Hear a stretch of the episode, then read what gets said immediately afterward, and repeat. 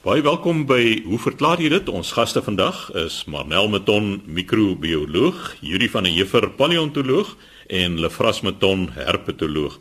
Marnel, ons begin by jou en die vraag wat jy ontvang het handel oor die groot vraag: wat is lewe? Ja, Chris, baie dankie. Ek het 'n brief ontvang van Johan van Niekerk van Bronkhorstspruit. Hy het 'n lang brief geskryf, maar ek gaan nou net 'n stukkie daarvan voorlees. En hy sê dat my begrip van lewe is dat dit nie iets is nie, maar 'n toestand. As die toestand reg is, dan lewe dit. En dan hy is 'n meganiese ingenieur, so hy skryf nou hierdie oor dat hy so 50 jaar gelede in 'n oorlosiefabriek in Switserland was en heeltemal gefassineerd was deur die vervaardigingsproses. Hy skryf natuurlik was dit daardie tyd meganiese oorlosies en nie elektronies soos vandag nie. Ek was verstom deur die samestellingsketting of die sogenaamde assembly chain want baie deeltjies was piepklein en die tegnisie het vergrootglase gebruik. Maar die hele samestelling het bloot net 'n klomp onderdele gebly tot op die voorlaaste stap. En dit was dan nou die insit van die vliegwiel. En soos wat die wiel met die haarveer ingesit word, het die oorlosie spontaan begin loop en skielik het die klomp komponente 'n oorlosie geword. So net so wanneer enige van die komponente van die oorlosie beskadig raak, gaan dit weer staan en verander dit weer bloot net in 'n aantal komponente. En al die dele daar is maar net die toestand. Die toestand is dan maar net anders. Dis dieselfde as 'n mens of dier dood gaan skryf hy. Al die komponente is nog daar, maar die toestand het verander. Nou Johan, soos jy reg sê, hierdie is eintlik 'n baie filosofiese vraag en daar is eintlik ook nou nie 'n kort antwoord hierop nie, maar ek gaan dit bloot uit die oogpunt van 'n bioloog benader.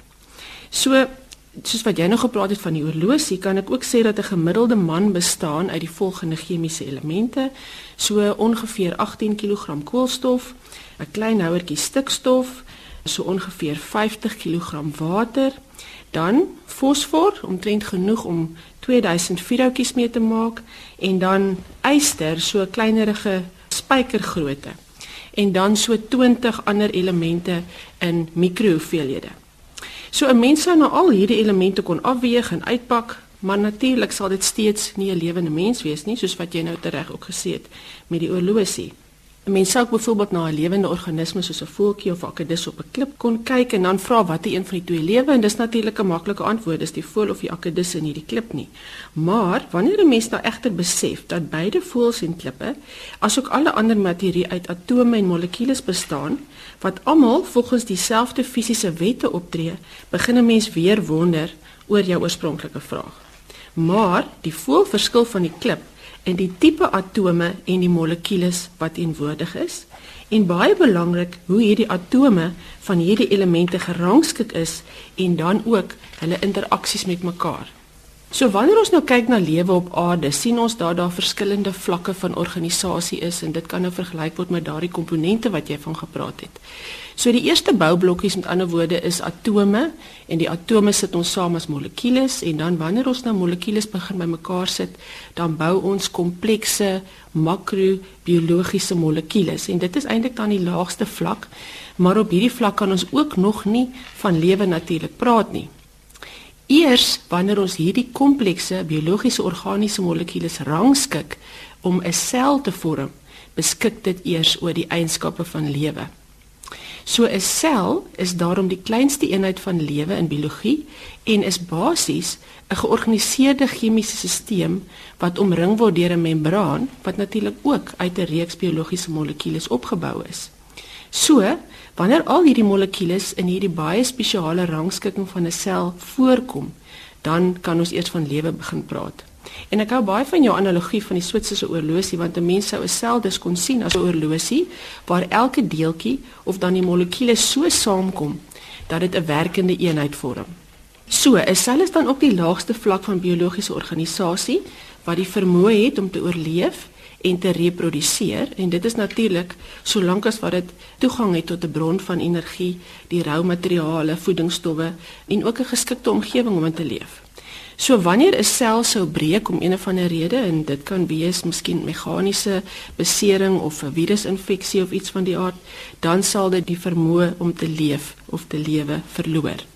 Nou verskeie organismes bestaan as enkelselliges en nou, dit is natuurlik organismes soos bakterieë, alge en ander protiste. En in ander organismes soos diere en plante wat natuurlik bekend staan as meerselliges, vind ons dat hulle selle gespesialiseer is en in samewerking met ander tipe selle uiteindelik organe en orgaanstelsels vorm wat uiteindelik dan saam 'n organisme vorm. Nou wanneer ons na een sellige kyk kan mens verstaan dat die sel dus sal sterf as die omgewing byvoorbeeld nie meer die lewe daarvan kan onderhou nie. Maar met komplekse organismes is dit gewoonlik wanneer die selle van die organe nie meer die lewensbelangrike funksies kan verrig nie. So ons het almal al spionasie of oorlogflieks gekyk waar die spioene sianietpille ronddra om hulle self blitsvinnig om die lewe te kan bring wanneer dit nodig is. En dis 'n interessante voorbeeld van sianiet verhoed selle om suurstof te gebruik vir die produksie van ATP en dit is natuurlik die lewensbelangrike energiemolekules van die sel. En 'n persoon wat so pil sou sluk was dan breindood binne minute omdat daardie selle nie meer kan funksioneer nie en sy hartspiere sou ook nie verder kon funksioneer nie en die hart sou dan binnekort gaan staan. Dus enige stowwe wat inmeng met al hierdie lewensbelangrike prosesse sal dan tot die dood van hierdie organisme lei.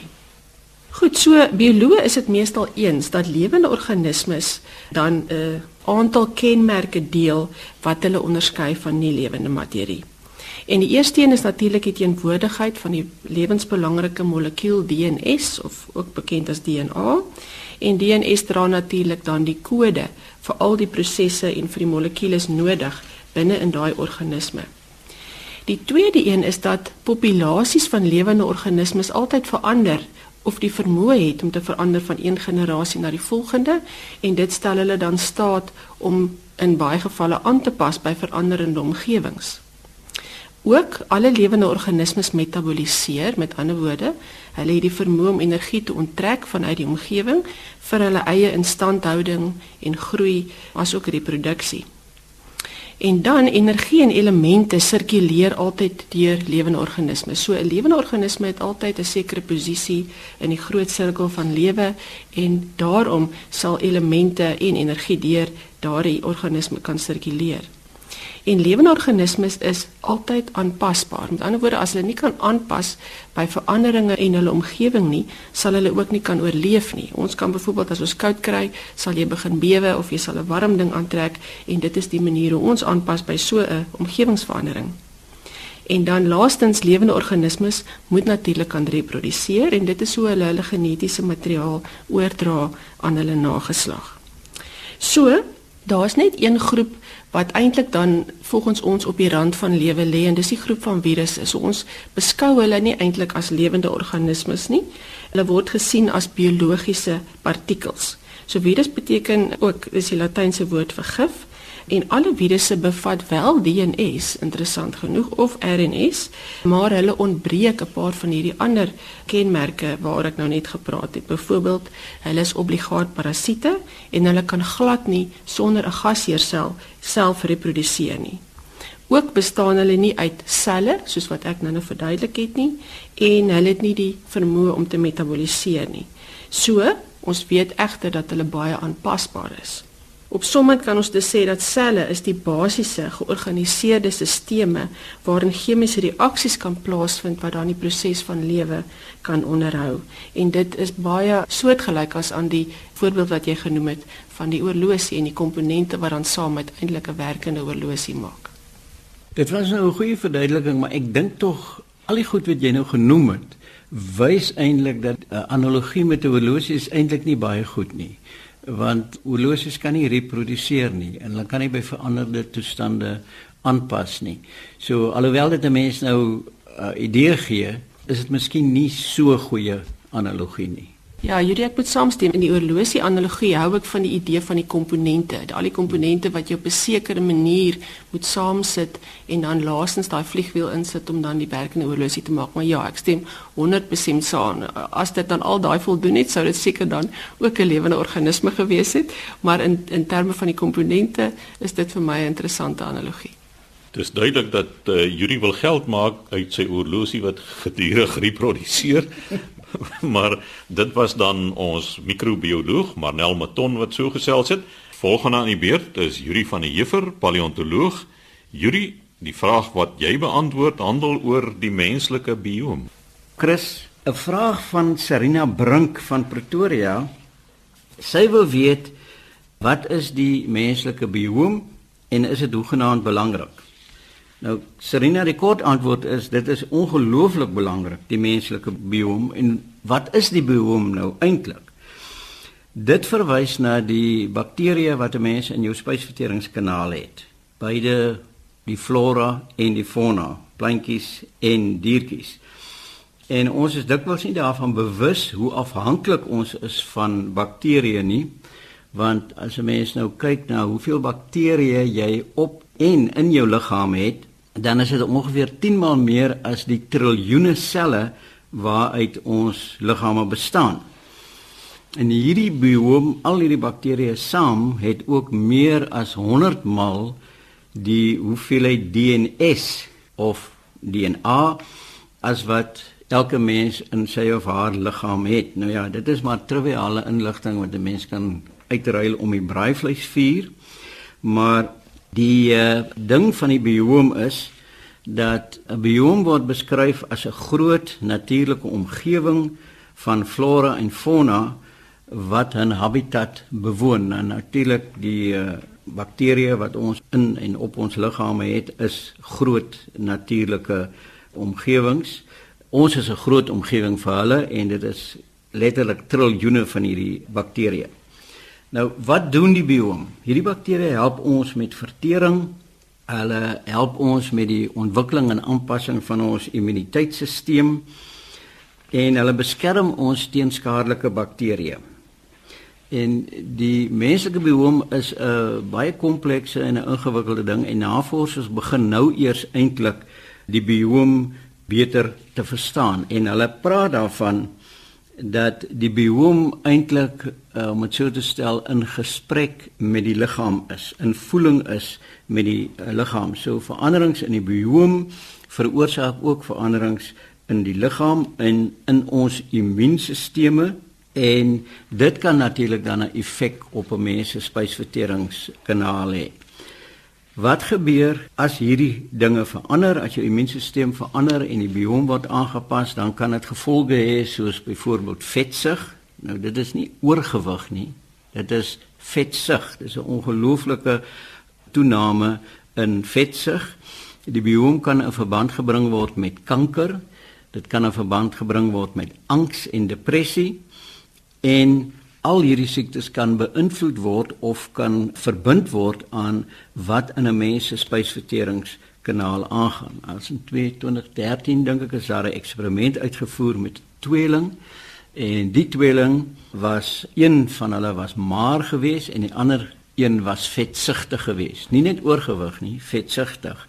En bakterieë van hulle bioom is geneem en dit is oorgeplant in muise en die bakterieë van die maar lid van die tweeling het gesorg dat daardie muis maar gebly het terwyl die muis wat die bakterieë van die vetsugtige lid van die tweeling gekry het, die het ook toe aan vetsug gelei. So daar's 'n duidelike verband tussen wie en wat ons is en hoe ons is en hoe ons fisieke toestand is as gevolg van die samestelling van ons bioom. Nou omdat ons gedurig voedsel inneem, en 'n mens besef dit nie altyd nie, maar jy neem gesonde voedsel in, jy neem bakterieë in, virusse kom in jou liggaam in, swamme kom in, dink maar aan al daai lekker kaase wat 'n mens eet wat gemaak is met swamkolonies. Ons kry parasiete in en hierdie toevoegings tot die bioom verander natuurlik die samestelling daarvan en ons selle in die spysverteringskanaal wat met die immuunstelsel te doen het, moet dan hierdie goed herken en hulle moet besluit. Ons sê nou maar in aanhalingstekens besluit dan het dit te doen hier met 'n vriend of 'n vyand en dan word daar aanpassings gemaak. So dit laat mense dink aan daai algemene sê ding wat mense altyd sê, jy is wat jy eet. So wat jy inneem kan jou liggaam op die manier affekteer. Wat egter gebeur in die geval is dit is duidelik dat elke mens se bioom is spesifiek tot daardie persoon, die samestelling daarvan omdat dit so 'n komplekse ding is en dit neig om normaal te wissel. So as jy nou skielik sou besluit om 'n vegetariër te word, dan gaan jy daar aanpassings in jou biome wees of as jy skielik oorgaan op 'n proteïen dieet of uh, enige van die soort van goed, maar dit stabiliseer blykbaar weer na 'n tyd sodat jou biome altyd wissel rondom 'n sekere konstante. Yuri, jy praat nou so basies oor bakterieë, maar sekerlik deel van die biome is ook parasiete. En parasiete in die algemeen is 'n slegte ding. En iets wat jy aan die begin gesê het, Ek weet wat jy bedoel want die gesprek gaan oor bakterieë, maar bakterieë is natuurlik nie of plante of diere nie, dit is 'n groep op sy eie, so fauna, die betekenis is dier en flora is plante. En bakterieë is eintlik 'n aparte groep. Dit is sommer nog maar net so vir die luisteraar wat daai verskil hmm. ken. Ja, dit is so, maar ek praat tog van jou intestinale flora daar blyklik meer plantaardige goed. So in die algemeen word dit maar so gebruik. So jou fynverdeling is waarskynlik in die sin dan reg. Dis Serena wat al hierdie inligting vir ons sê is dat 'n mens die kom ons noem dit dan nou maar lewende diertjies, lewende organismes in jou spysverteringskanaal moet jy eintlik ook vertroetel want jou lewe is afhanklik daarvan en ons het geen probleme om ons troeteldiere in ons tuine te versorg nie. So, dis goed dat jy die vraag gevra het want ek dink 'n mens moet dan ook meer weet van wat in en op jou liggaam aangaan en dan stappe neem om daardie organismes ten beste te versorg vir jou eie welsyn. Nou gewoonlik word daar gesê dat om hierdie organismes aan te help, moet jy byvoorbeeld probiotika gebruik en in gewone taal word dit nou verduidelik as jogurt want dit sal weer die groei van hierdie organismes aanhelp as jy nou sê maar 'n kursus antibiotikum gehad het wat nou jou intestinale flora uitwis. Blykbaar is die jogurt wat ons het, bevat so min probiotika dat dit amper nie die moeite werd is om dit te gebruik nie. Wat navorsing getoon het wat wel nodig is en wat wel help is gefermenteerde middels soos byvoorbeeld sauerkraut as 'n mens groente in lê, pikkel, is daar fermentasie by betrokke, ingemaakte olywe is goed wat jou biome aanhelp en dan suiwelprodukte wat gemaak is deur fermentasieprosesse, byvoorbeeld sekere kase. Die help 'n mens se biome aan.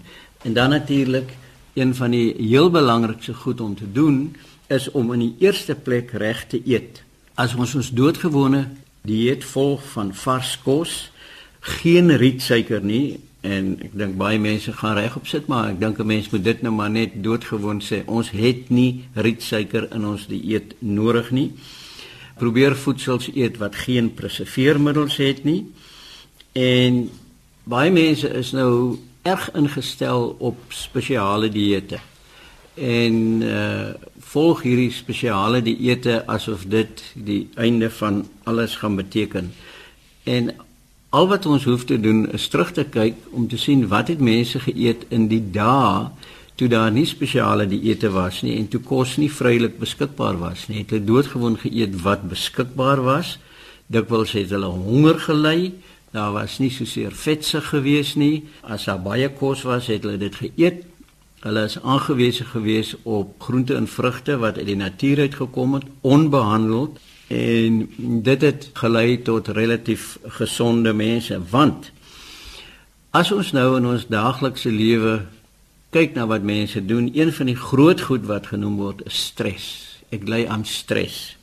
Stres affekteer jou biome so in die eerste plek om 'n goeie biome te hê moet 'n mens probeer om afgesien van jou gesonde kosse en jou gefermenteerde kosse te eet behoort jy stres te verwerk reg te eet Rus is baie belangrik, snaaks genoeg.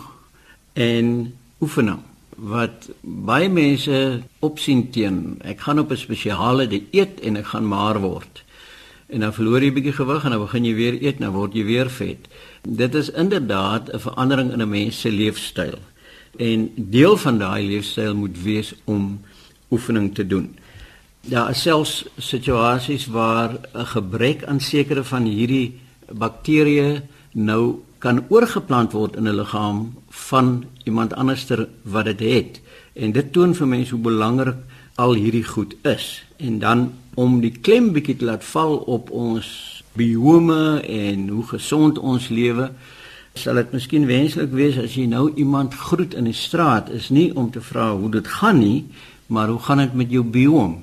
Jy jy het net nou die woord probiotika gebruik en natuurlik kan mense in dieselfde asem dan net ook iets sê oor antibiotika en dat baie van die antibiotika maak ook die goeie bakterieë dood. Ja, dis heeltemal reg. Ek dink ek het iets genoem daarvan want dit is gewoonlik as jy jou hele kursus antibiotikum deurloop het, dan is jy veronderstel om weer iets te eet wat jou biome sal aanvul. So sê Yuri van der Heever, paleontoloog, laaste aan die beurt vandag, Lefras Meton en die vraag: Waar kry slange hulle gif? Nou ek weet die boere kry dit by gifsmouse hulle vas. Ja. Môre luisteraars, ons het 'n brief van Gwen van die Herden gekry. Sy wil basies weet waar kry slange of hoe vorm 'n slang gif en sy sê dit is seker nie as gevolg van sy dieet nie. Om gif te verstaan dink ek Juri moet ons sommer 'n hele klompie miljoen jaar teruggaan so 360 miljoen jaar gelede min of meer toe die oorgang van water na land plaasgevind het toe die visse daar die vroegste visse het hulle nou geleidelik op land begin beweeg om daar te voed ensovoorts en een van die groot probleme vir lewe op land was natuurlik dat die mondholte gesmeer moes word. Daar moes nou speeksel ontstaan. 'n Vis het mos nou nie speeksel kleer want hy het dit nie nodig nie, want dit is die heeltyd water wat deur die mond vloei. So speekselkliere het baie vroeg in die evolusie van landwerweldiere ontstaan. En aanvanklik was dit maar selle in die epiteel van die mondholte. Later het hierdie selle kliere gevorm, met ander woorde klompies selle het saamgewerk, buisies ontstaan. 'n Hele groot verskeidenheid van hierdie tipe kliere het ontwikkel.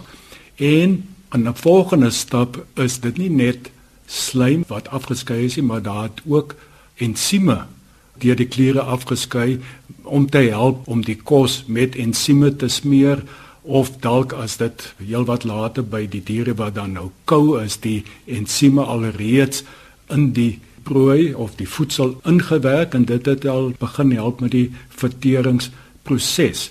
Nou slange, die gifkliere van slange is niks anders as omvormde speekselkliere nie. En ons weet speeksel soos ek sê bevat ensieme.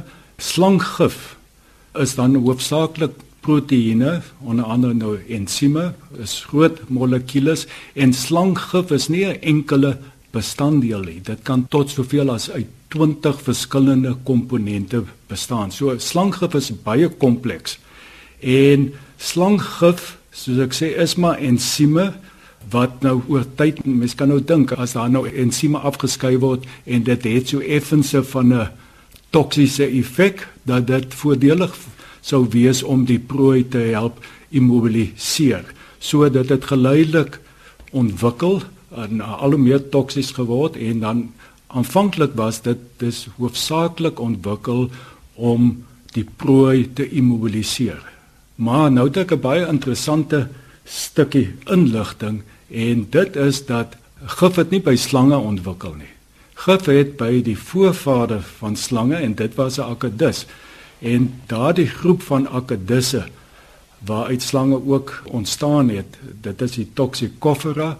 Dit sluit ons bloukopkoggelmannes in en uh verkleermannetjies, die iguanas, die Varanidae, dink aan die Komodo draak, almal daardie Hilodematidae soos gif, daardie werklike gif soos wat ons nou by slange kry vandag, is 'n ou ding wat net een keer ontstaan het daar by die voorvader van hierdie klomp akedisse en slange het redelik vroeg ontwikkel. Dit is vir my altyd 'n interessante storie. Hele klompe jare gelede, daar in die 80er eh, jare, was ek daar in Namakwaland. Ek het by 'n boer gekom en ek het gevra ons soek bloukopkoggemanners en hy was vreeslik opgewonde. Hy het gesê ons moet asseblief tog al hierdie koggemanners verwyder van sy plase want hulle byt sy beeste dood. Nou ek het dadelik so half gelag en hy was baie ontstel dat hy lag. En hy het vir my gesê hy weet ons wetenskaplikes sê hulle is giftig maar hy het met sy eie oë gesien hoe 'n bloukopkogge manne van die kraalmuur af op die bees spring en nie te lank daarna nie is die bees dood. Nou vandag, nou weet ons 'n bloukopkogge manne ja, die potensiaal is daar om 'n bietjie gif te hê in hom, maar dit natuurlik nou geen effek op die mens nie. So hierdie gif van slange, hulle produseer dit self omdat dit so 'n belangrike rol speel. Hulle kan nie dit van uitwendige bronne kry nie. Ons weet baie insekte, selfs paddas kry gif uit die omgewing uit, maar dan speel daardie gif nie 'n rol by voeding nie. Slanggif speel primêr 'n rol by voeding. Dit het eers maar heel wat later 'n rol begin speel by verdediging. Dit het ontwikkel om die prooi te immobiliseer.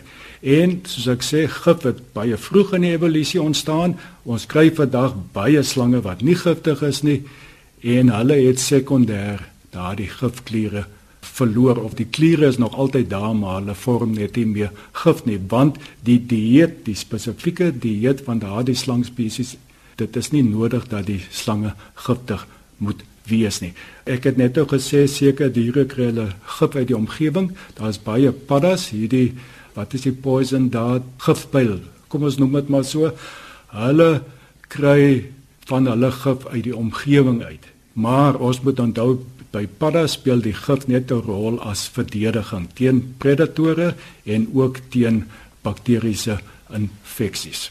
So ek hoop so net so kortliks het ons 'n bietjie of ten minste dan maar antwoord vir haar vraag gegee. So sê Lefras Beton, ons herpetoloog, die tyd is verstreke. Skryf gerus aan ons by hoe verklaar jy dit? Posbus 2551 Kaapstad 8000 of stuur 'n e-pos aan chris@rsg.co.za